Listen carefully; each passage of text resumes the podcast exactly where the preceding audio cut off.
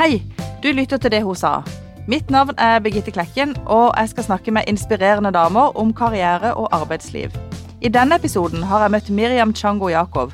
Hun har prøvd lederlivet i både privat og offentlig sektor, og er ikke i tvil om hvor hun hører hjemme.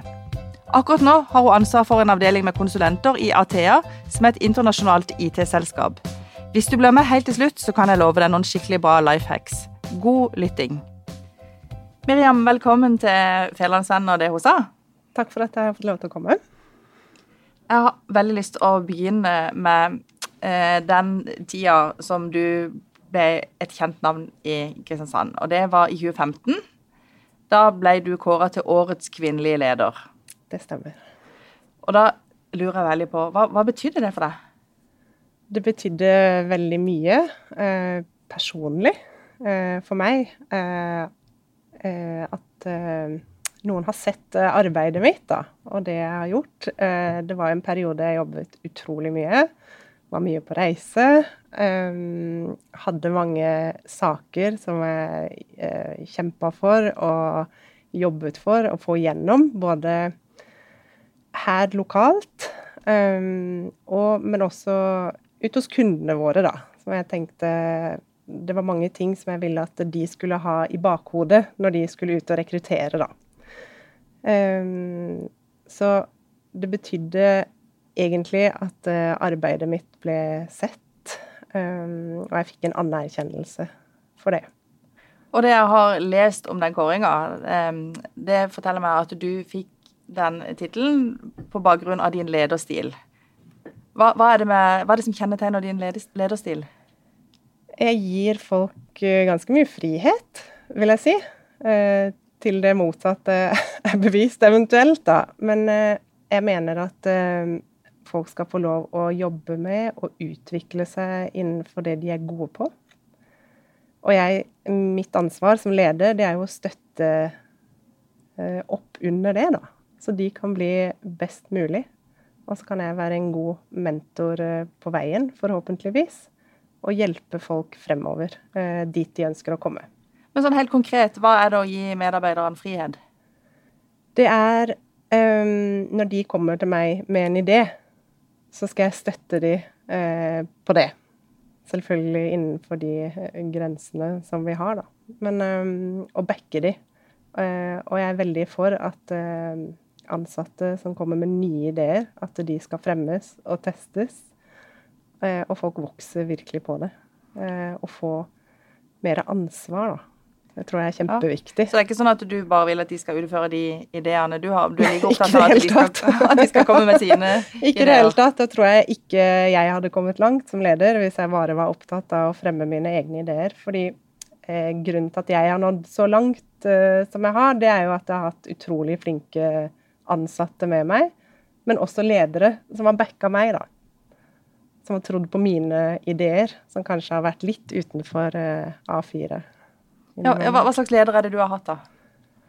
Jeg har hatt ledere som uh, har gitt meg oppgaver som uh, har virket ganske store på meg. hvor de har sagt at ja, men dette klarer du, vi tror på deg. Og vi støtter deg, vi står bak deg og latt meg gjøre oppgaver som er ganske krevende. Det kan f.eks. være å stå i en nedbemanning. Første gang man gjør det, så er det en ganske hard jobb. Men hvis man har gode, en god leder ved siden av seg, eh, og gode kollegaer, så kommer man gjennom det også. Og så lærer man jo veldig mye underveis, da, som man kan bruke senere.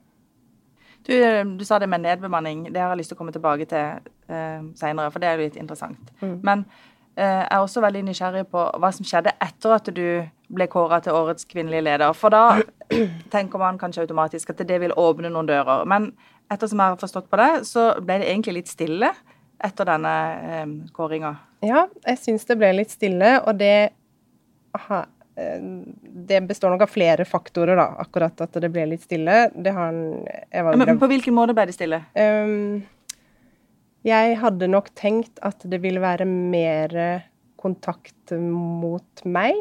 Ikke sant? At det ville åpne noen dører for meg. Um, og i den perioden så uh, gikk jeg ut i permisjon, for jeg skulle ha et barn. Og så kom det noen sånne barrierer på veien da, som gjorde at det var vanskelig for meg en periode kanskje å, å komme tilbake til en sånn type stilling som jeg hadde hatt før jeg gikk ut i permisjon. Og det var akkurat i skjæringspunktet der at jeg vant den prisen. Så jeg tenkte ja, men det så jeg egentlig ikke på som noen utfordring. At uh, det skulle være litt vanskelig å få seg en samme type jobb da, uh, i etterkant. Fordi, også fordi at jeg hadde den, fått den prisen, og hatt uh, en del omtale rundt den. da. Så jeg tenkte at det skulle være noe positivt. Og den positive effekten har nok kommet kanskje litt senere enn det jeg hadde trodd. Jeg har jo den jobben jeg har i dag fordi at jeg har mye erfaring, og også ja, altså mye ledererfaring, så de har jo sett uh, hva jeg har uh, oppnådd uh, tidligere. men akkurat i den perioden der, så var det um, Jeg trodde at det var flere som ville kanskje ta kontakt og, og åpne en dør. Da. Jeg har ganske stort nettverk også, som jeg brukte. Så det, du opplevde, var egentlig at det var ikke så lett å få den nye jobben som du kanskje var på jakt etter. Uh, og du ble ikke nedringt av rekrutterere som, som ville ha deg inn til, til jobbintervju. Du ikke måtte sjøl uh, gå ut og jobbe aktivt. Måtte være Ekstremt aktiv, ja. Mm. Uh, og det kosta meg veldig, veldig, veldig mye jobb å komme tilbake dit jeg er i dag, da. Men, men hvorfor tror du det ble så stille etterpå?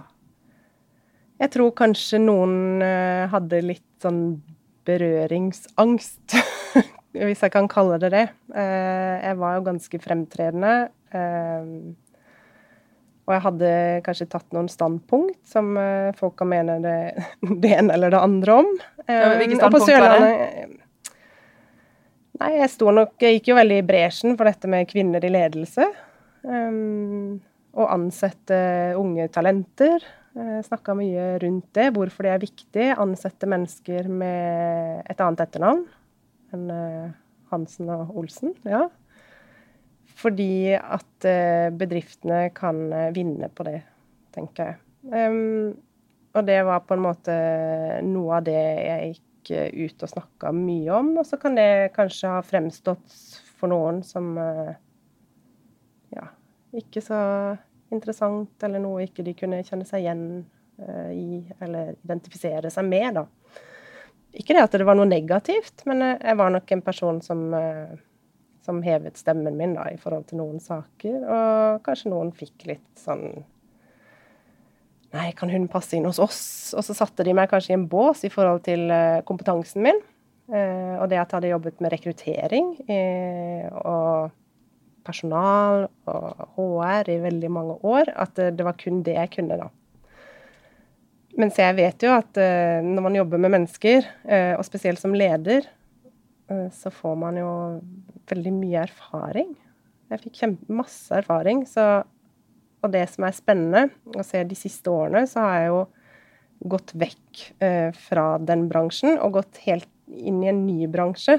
Så de som har ansatt meg nå, de ser jo at fordi jeg har den erfaringen jeg har eh, fra forskjellige bransjer, eh, så er jo det et pluss da i den eh, jobben jeg har nå. Og det viser jo at jeg er ganske tilpasningsdyktig. Og kan gå inn og lede mennesker med forskjellige fagbakgrunner. Egentlig ganske uavhengig av hva de jobber med, da. Men helt konkret, så fikk du denne utmerkelsen, og så fikk du barn.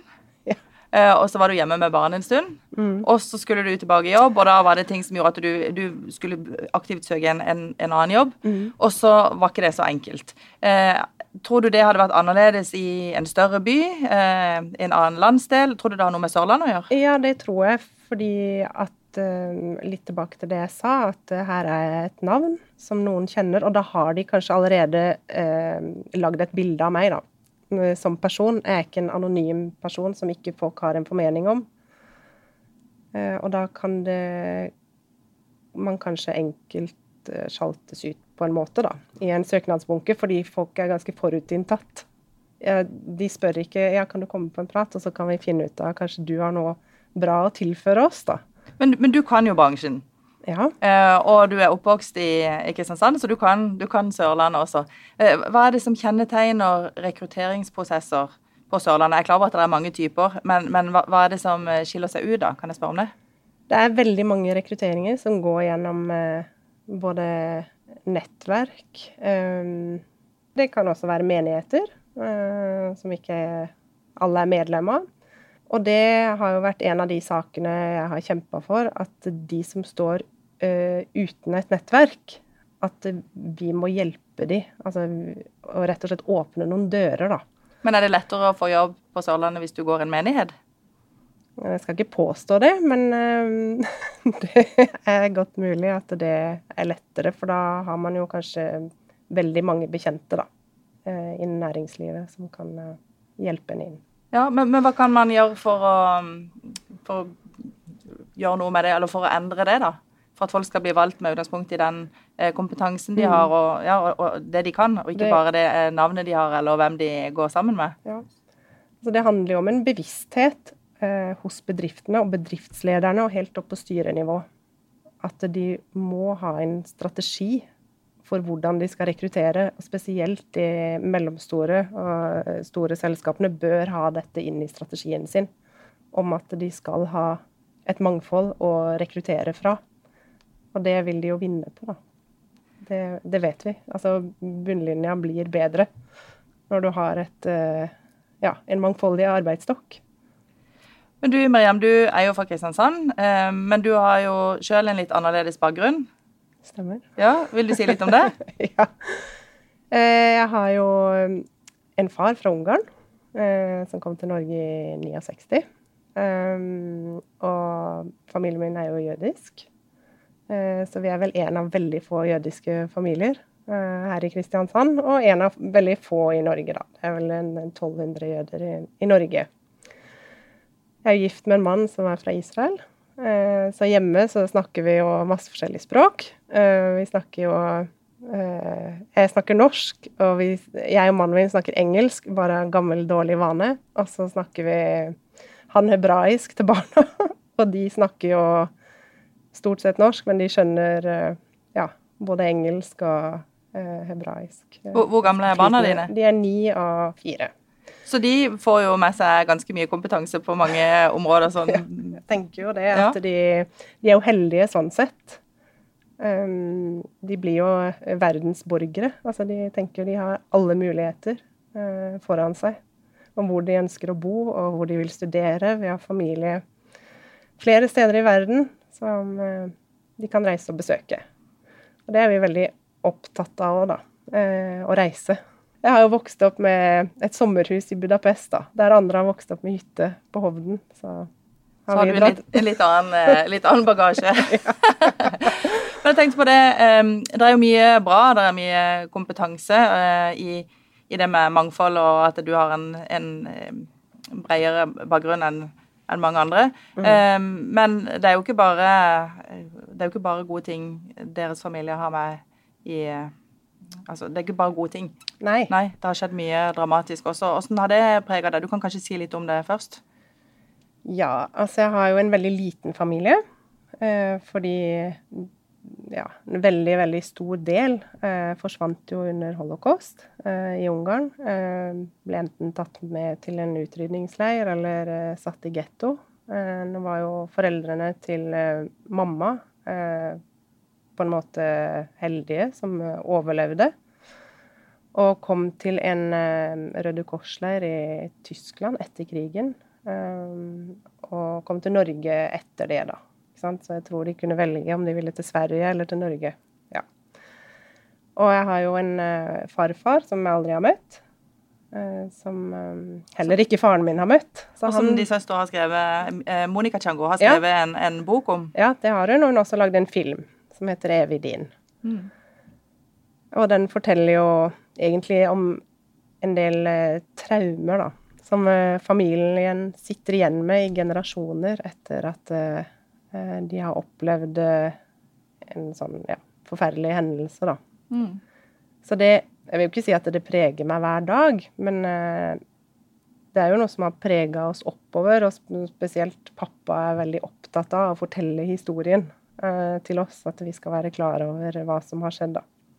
Men du kommer jo fra en, en ressurssterk familie, ja. som på tross av den forferdelige historien, eh, har klart seg veldig bra. De flytta til Norge og siden til Kristiansand. Mm. Og så fikk de dere tre.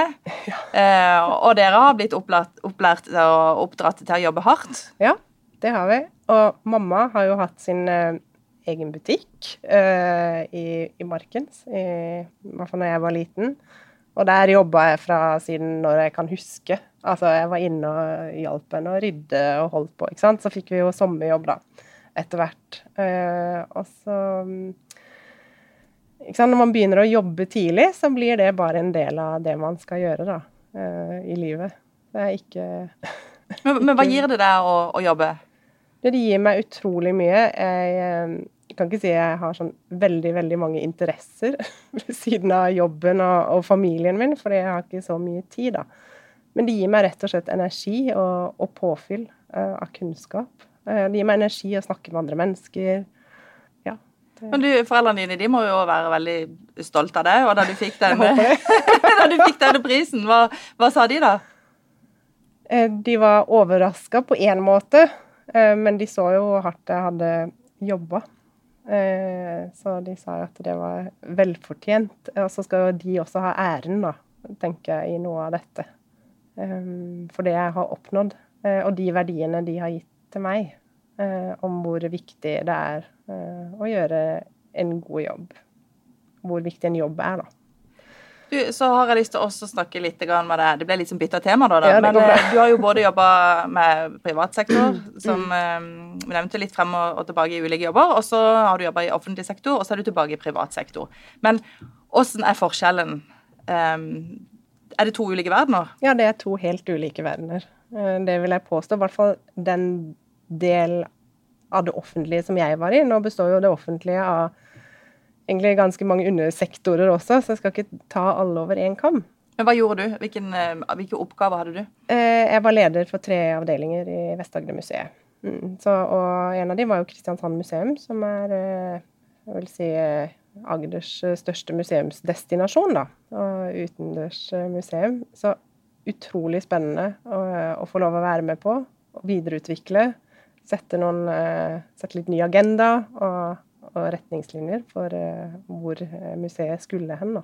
Men, men, det er jo sånne ting man gjør også i en jobb i privat sektor. Men, mm. men på hvilken måte er det annerledes når du skal endre noe eller oppnå noe ja. i offentlig sektor? Ja, akkurat der jeg var, så er beslutningsprosessene ganske lange. Og litt tyngre. Det skal gjennom flere instanser. Man får penger på en annen måte. Alt skal dokumenteres. Um, alt skal referatføres. Uh, og det kan bli ganske uh, lange prosesser som drar seg over veldig mange år. Ikke sant? Så fra du da kommer med en idé til du skal utføre, så kan det gå fem år. Og Hva skjer med deg da, når du er i en sånn Nei, da mister jeg jo litt motivasjonen, vet du. Fordi jeg er jo en dur. Jeg kaster baller opp i lufta, og så må jeg eh, dra de ned ganske kjapt, da. Uh, og så må jeg gå videre på neste prosjekt. Ja. Men, du, men du fikk det å skape litt endringer? Det gjorde jeg, vet du. Ja. Fikk økt litt antall besøkende, endra litt i programmet. og økt egeninntjening. Så veldig spennende å få lov til å gå inn i en bransje som eh, ikke har vært i før i det hele tatt. Ja, Men hvor føler du deg mest hjemme? Føler meg nok mest hjemme i privat sektor. Eh, fordi det er eh, kortere vei til eh, raske beslutninger. Og også i forhold til min egen utvikling, så er det nok flere muligheter akkurat der jeg er nå, da. Ja, hva er det du syns er, er, det beste med å jobbe der du er nå? Akkurat nå som jeg jobber i Athea, så eh, har det jo truffet oss eh, som lyn fra klar himmel, eh, covid-19, ikke sant? Så eh, vi er jo en av Norges eh, største IT-selskaper. Så ja, vi hadde mye å gjøre før eh, covid-19 traff oss. Men eh, når Norge stengte ned eh, 12.3, da smalt det virkelig. For da skulle hele Norge på hjemmekontor. Og det er akkurat eh, det jeg driver med da. Men hvordan så din arbeidsdag ut, da? Den så ut som fra halv åtte om morgenen til uh, ti-halv elleve på kvelden. Uh, I noen måneder, da. Men hva, hva gjorde det, du? Vi satt veldig mye i statusmøter, rett og slett. Vi leverer jo mm, IT-infrastruktur til store offentlige eh, kunder som er helt avhengige av at vi er operative. Og da visste vi jo ikke helt hvordan dette vil treffe oss. ikke sant? Vi visste ikke hvor mange som blir syke, kan vi opprettholde driften? Eh, vi satt jo en sånn krisestab ikke sant? for å mm, monitorere hver eneste dag eh, hvordan det går. Eh, og jeg syns Athea har tatt det virkelig bra eh, og tatt det på alvor. Og vi har jo kommet oss gjennom på en veldig god måte. Men det har krevd veldig mye jobb fra veldig, veldig mange i bedriftene, eller jeg vil si alle, da. Mye mer jobb enn normalt. Fordi vi leverer det vi leverer, da. Men sånn sett så er du jo egentlig heldig med valg av bransje, fordi at dere leverer noe som folk og som samfunnet har behov for nå, ikke sant? Ja. Um, men du har jo også jobba i bransjer der det ikke har vært så gode tider. Uh, jeg tenkte litt på det vi snakker om med nedbemanning. Mm. Uh, hva, hva, slags erfaring er det du har med det? Vi har jo Altså når oljeprisen gikk ned eh, i forrige runde, det var vel i ja, 2015-2016-sjiktet. Eh, hvor jeg var leder da for eh, flere kontorer i region sør. Eh, hvor jeg måtte si opp nesten alle. Ikke sant? Fordi at kundegrunnlaget var borte. Det var jo egentlig helt forferdelig. Det er jo ikke den gøye delen av å være leder. Men jeg vet at alle som var med i den runden, har gått videre, da. Og det er jo veldig flinke folk. Så det å kunne hjelpe hjelpe ansatte videre da, og gi dem en god referanse. Det tenker jeg er et viktig bidrag, altså noe som jeg kan bidra med i etterkant. Da. Men hvor går skillet i en sånn uh, prosess mellom det å være en, en hjelper og liksom ha omsorg og støtte og backe, mm. og, og, det å være proff og bare gjennomføre? Ja, man skal jo holde tunga rett i munnen, uh, og så skal man altså jeg må jo sette meg inn i den situasjonen jeg setter et annet menneske i.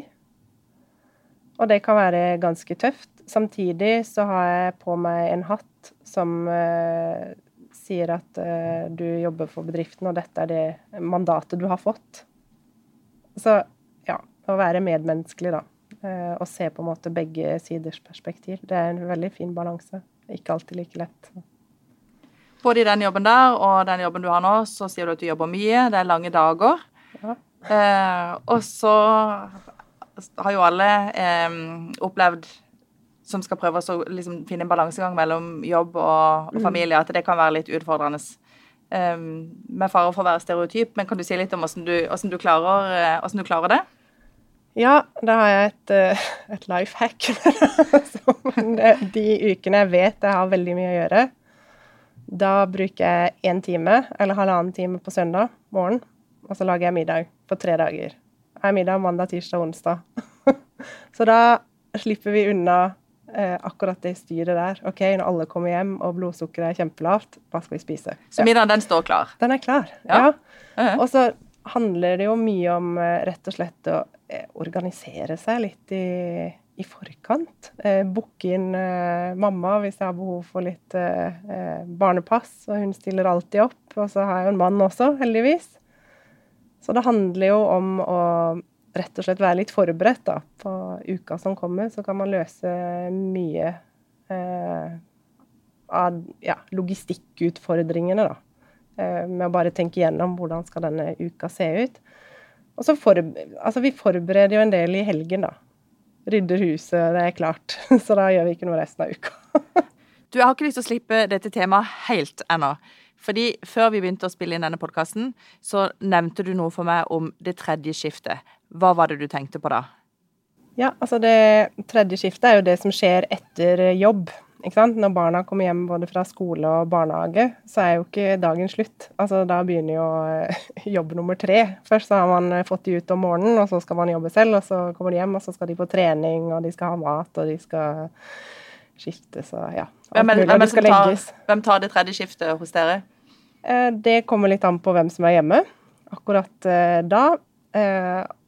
Og så tenker jeg jo at det er jo ofte, sånn som jeg hører det, så blir det kvinnene som tar det tredje skiftet. Men jeg har jo gjort en del ting da, sånn at det tredje skiftet ikke skal bli så belastende for, for min del, hvis jeg kan si det sånn.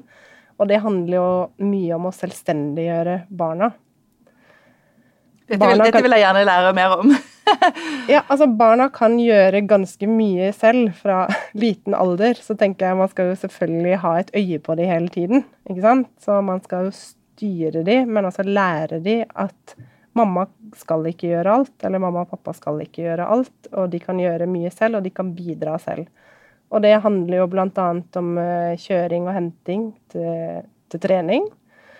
Uh, Dattera mi sykler så langt det lar seg gjøre. Um, men selvfølgelig, altså hun har vel sykla fra hun gikk i andre klasse. Jeg sendte med henne en uh, telefon, og så går det helt fint. Nå er vi så heldige at vi lever i en tidsalder hvor vi har med oss teknologien, ikke sant? så vi kan på en måte følge de uh, hele veien. Um, så det handler om å ikke sy så mange puter under armene på dem, men også få, la de få lov til å prøve seg på egen hånd. Altså hvis de har lyst til å, å, gjøre noe på egen hånd. Og det kan også være i forhold til å lage mat. ikke sant? At de kan ta litt ansvar, da. Hun eldste kan faktisk klare å lage frokost til eh, minstemann. Altså, de vokser på det og blir selvstendige, og de tar jo da ansvar Altså, jeg ser hun eldste leser jo eh, Ikke sant? Hun leser lekseplanen, og så forteller hun meg hva som skal skje denne uka, og hva hun skal ha med seg på skolen. og ja.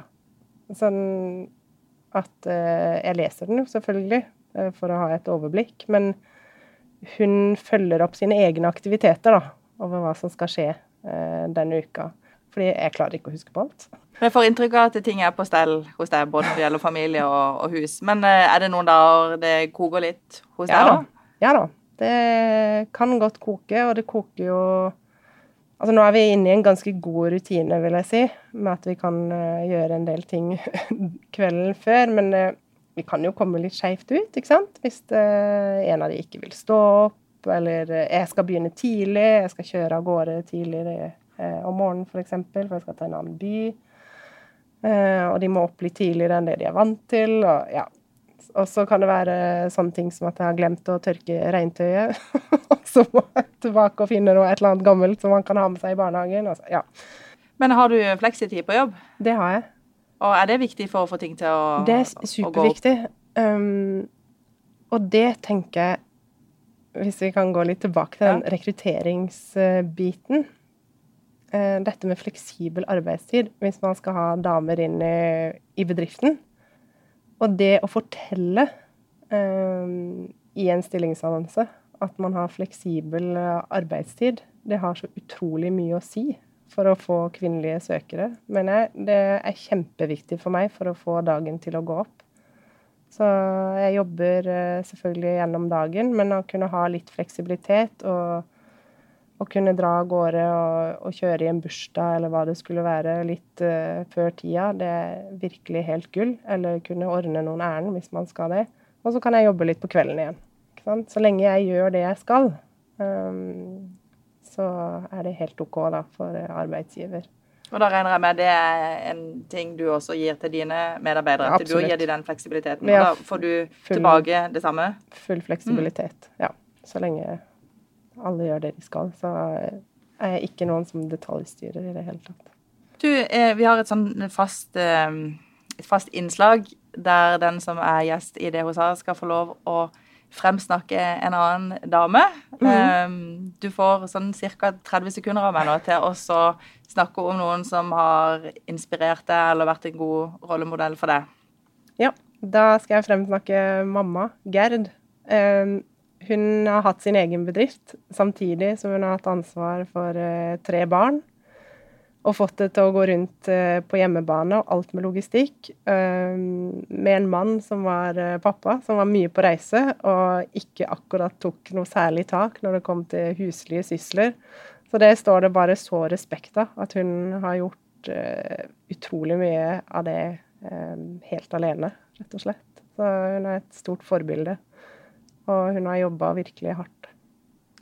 Det var en bra framsnakking av mamma. du, så er det jo sånn at vi også har lyst til at du skal få lov å komme med råd til de som hører på, som er opptatt av arbeidsliv og karriere, enten det er i privat eller offentlig sektor. Mm. Eh, har du noen råd å komme med? Ja. Det første rådet mitt er å aldri takke nei til en ledig jobb fordi du tror at logistikken eh, på hjemmebane ikke kommer til å gå opp. Altså, det løser seg. Det fins løsninger, og det, det fins hjelp. Og bare, du må ta den sjansen. Og så en ting til som jeg har tenkt mye over, det er at uh, altså ikke si nei til vanskelige oppgaver som byr seg på jobbfronten. Altså det at noen kommer til deg og spør om du kan eh, utføre en oppgave som du kanskje ser på litt, som litt for stor, det betyr jo egentlig at noen har sett deg og har tillit til at du kan gjøre det. Så bare hiv deg i det, og, og gjør det.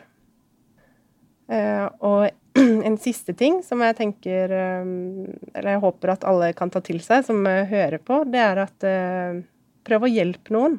Altså hjelp noen som står eh, utenfor arbeidslivet, eller som ikke har jobb akkurat nå, med å åpne noen dører eh, til ditt nettverk. Altså jobb betyr så utrolig mye for folk, og det koster eh, meg så lite. Um, og ja legge inn et uh, godt ord, da. Uh, og så er jo, som jeg pleier å si, så er jo jorda rund. Så en dag så er det kanskje jeg som trenger hjelp, da. Det syns jeg var en kjempeflott oppfordring. Til slutt, ja. Tusen takk for at du ville komme til Feven og være med i det hun sa, og dele dine erfaringer. Tusen takk for at jeg fikk komme. Du har lytta til Federlandsvennens podkast 'Det hun sa' med Birgitte Klekken. Har du tips til andre bra damer vi bør snakke med, eller har du lyst til å dele inspirerende erfaringer fra ditt arbeidsliv? Ta kontakt på dethosa1fn.no.